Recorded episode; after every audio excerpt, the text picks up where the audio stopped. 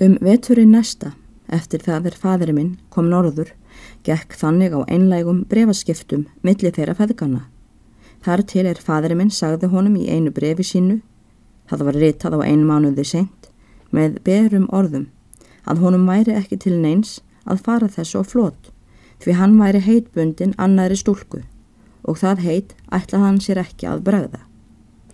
Og nú sagði hann honum í þessu sama brefi hver stúlkan væri og hverja manna, að hún væri reyndar fátæk en í alla staði fullbóðin sér og fósturdóttir biskupsins er hann inni mest allra manna vandalösura. Bað hann nú afa minn með mjúkum orðum og hólátlegum að lofa sér að eiga þessa stúlku er hann inni hugástum en leita sín ekki frekara um hitt. En þetta virtist allt stöðla til þess að æsa Runolf enn meir. Nú bætti það ekki um að Þorgerður, sýstir þeirra bræðra, var komin á snóðir um ráð þeirra. Hún leti ekki sitt eftirlikja að ekki Runolf. Hún leiti honum fyrir sjónir hversu frálegt væri ráðulag Steingrims að hann skildi hafna slíkum kosti sem yngibjörgu en taka aftur snauða og umkomulösa vinnukonu í skálholti og let Þorgerður sem ættinni væri ekki uppreistar von ef slíkt skildi framgengt verða. Hins vegar ágraði skóli Runolfi með því að hann hefði til nokkurs sleft sónum sínum undan handarjæðarinnum eftir skildi sínum ráðum framfara í öllu og myndi séð fyrir endan og eitrafells auðnum er stundir liðu. Eftir brefið sem fadri minn reytaði um heitorð sitt hætti Runolfur að vísu að skrifa honum og svaraði því engu því hann taldi það árangur slöst en reð fyrir sér að vinna hann með öðru móti. Hann reð nú af að það takast sjálfur ferð á hendur söður til skálholts og láta sverfa til stáls við svonsinn og var þorgerður mjög físandi þessar áðs. Hann rýður að heiman í túnasláttu lokin og léttir ekki ferðsynni fyrir hann kemur að skálholti. Biskupin tók honum fyrst opnum örmum og reyndi til að semja með feðgónum en það hefnaðist ekki. Let Runolfur biskupin heyra að hann flytti þar mál fósturdóttur sinnar. Síðan lagði biskupin ekki til málana. Runolfur var til húsa hjá prestinum í skálholti því að þeir voru gamal kunnugir. Er ekki að orðalengja það að hann setur í skálholti megnið af þeim sumartímanum sem eftir var og reynir með öllum móti að vinna föður minn. Þeir feðgar beittu fyrstu bænum og blíðmælum á viksl hvor við annan og flutti afið minn sitt mál en fadir minn sitt en gáttu ekki orðið á eitt sáttir. Runolfi sinnaðist þá og hótaði föður mínum öllu yllu, þar á meðal því að gjöra hann arflausan en fadir minn brosti framann í hann að þeirri hótun og hvað hann skildu hann um það. Væri sér það ólíku kærara en að skilja við unnustu sína en þá tók nú algjört að harðna leikurinn. Þverlendi Runolfs síndist ekki getað slakað til úr því svo langt var rekið og það var það ráða sem hann hefði sett sér fyrir að fara ekki erendis leysu til skálholts í þetta skipti. Biskupinum var farin að ofbjóða þrákjelkni hans og tók að fýsa hann heimfarar og enda að láta hann skilja á sér fleira en fór þó hægt að öllu. En Runolfur var orðin svo að hann var ekki mönnum sinnandi og neytti kvorki svefns niður matar.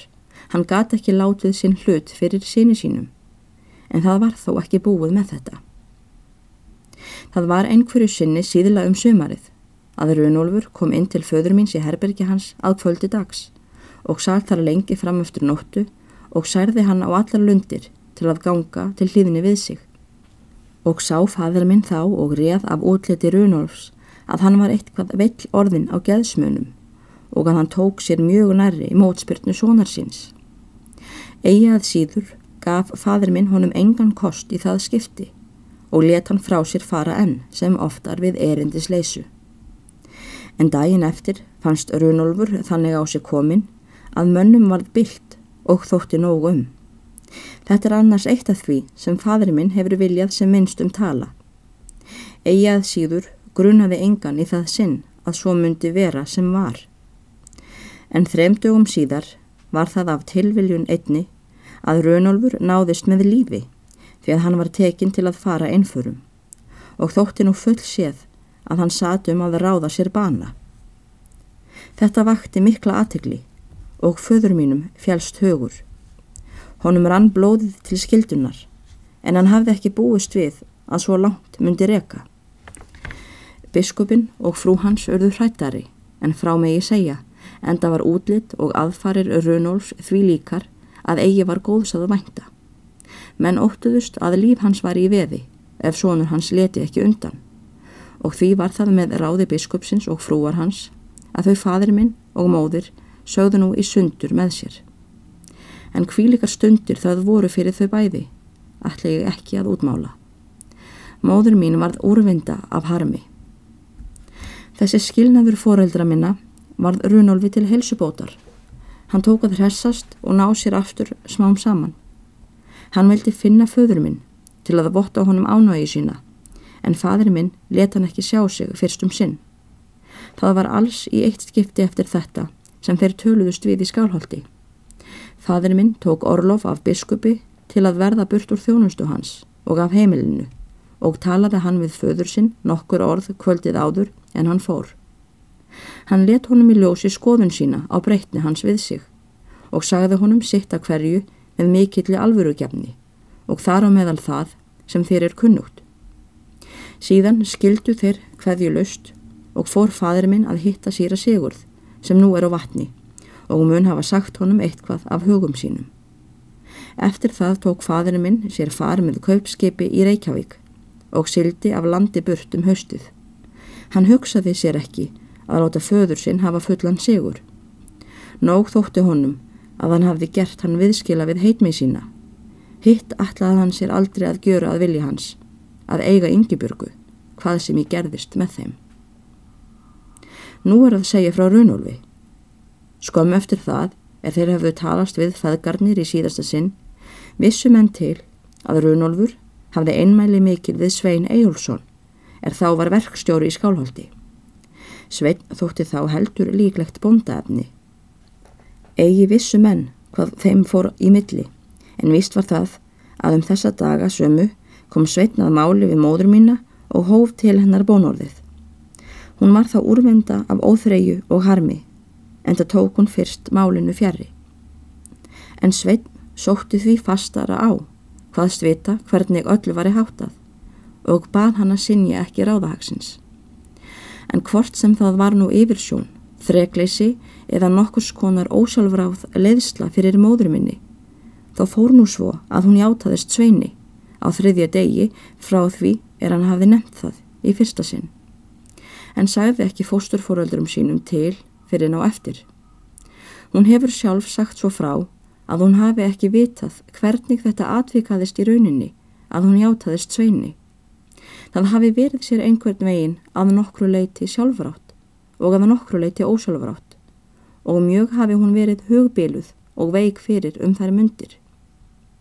Hún hafi þóst ekki síst gangast fyrir því að Sveit fullvisaði hana um að hann myndi ílengjast í biskupstungum og skildi hún ávalt geta verið nærri fósturfóreldrum sínum. En þetta fór allt öðruvísi, svo sem þér er kunnugt. En svo fyrir munun hefur móðuruminni þótt óskiljanlegust af öllu, að hún skildi fullráða þetta af fornspurðri fósturmóður sinni, er hún var vön að segja allan sinn hug og trúa fyrir öllu. Eftir rúman hálfan mánuð frá trúlofunardegi áttust þau móður mín, en óðara en það var orðið þá vaknaði hún upp sem á dvala. Hún tók beiska yðrun fyrir fljóðræðið. Þau hjónin voru nú í skálholti um veturinn og svo að vista árið út. En móðin mín lág sjúk meginnið af þeim tíma, sjúk bæði á sál og líkama og lifiði ekki saman við mannin. En Sveit hafði skrifast á við Guðmund á Vestrafossi bróður sinn og fengið hjá honum lovorð fyrir neðstabænum sem hann var að kaupa um það við leiti og fluttu þau þangað alfarin um vorið eftir. Runolfur vissi nú ekki hvað orðið var af sinni hans en þóttist hafa sigurinn í hendi og tók að týja sig til heimfarar og reið á stað fám dögum síðar en fadur minn fór frá skálholti. Þegar hann kvatti biskupin let hann Runolf skilja að illa hefði hann farið að við svonsinn en það myndi illt af leiða. Steingrimur myndi fara af landi burt og ekki sjá hann fyrst um sinn aftur. Runolfur trúði þessu laust. Þóttist lítinn farareyri fengið hafa sinni sínum og myndi hann skila sér aftur áður langt lifi og nú vonaði hann að fadur minn myndi yðrast mótspyrnunar og ganga til fullrar hliðinni við sig. Runolfur reið heim til sín síðla sumars en er hann var heimkomin fekk hann bref frá kunninga sínum á Söðurlandi og í brefinu fulla vissu fyrir því að sonur hans hefði gert alvöru úr því og silt ef til vill alfarið hérðan af landi. En á einu furðaði hann og ekkert skildi. Hver styrtaramadur svo var er hjálpaði föður minn til utanfarar. Þetta fekk Runolfur aldrei að vita. Runolfur vonaðist eftir að fá són sinn heim aftur með næstu vorskipum, en það varð ekki. Hann vonaði lengur en það brást og þar kom að hann hætti að gera sér vonum að geta séð þau föðurminn og yngibjörgu á brúðarbeknum. Þetta hefði nú valdið afa mínum þungum áhyggjum og megnir í hugsíki ef Þorgerður hefði nú ekki verið við höndina til að telja fyrir honum og þeim bræðrum og koma þeim á nýja stefnu í þessu sjúskaparmáli barna þeirra. Á meðan þessu fór fram sem nú hefur sagt verið, held Þorgrímur, bróðir, föður míns áfram skólanámi sínu Hann hafði veður af því er gerðist með þeim feðgum. Þegar nú útsið var um það ráð að fadri minn innist til að eiga yngibjörgu, taka feðurnir að snúa hugsínum að Þorgrími sem var nokkrum árum yngri en bróður hans. Og var það Þorgerður er fyrst vakti máls á þessu og hjælt því fram af kappi við bræður sína. Það var sömarið áður en Þorgrímur var skrifaður út úr skólanum, hann var þá heima hér á Ytrafelli eins og hann var vanur á sömrin að fadir hans tók að hreyfa þessu við hann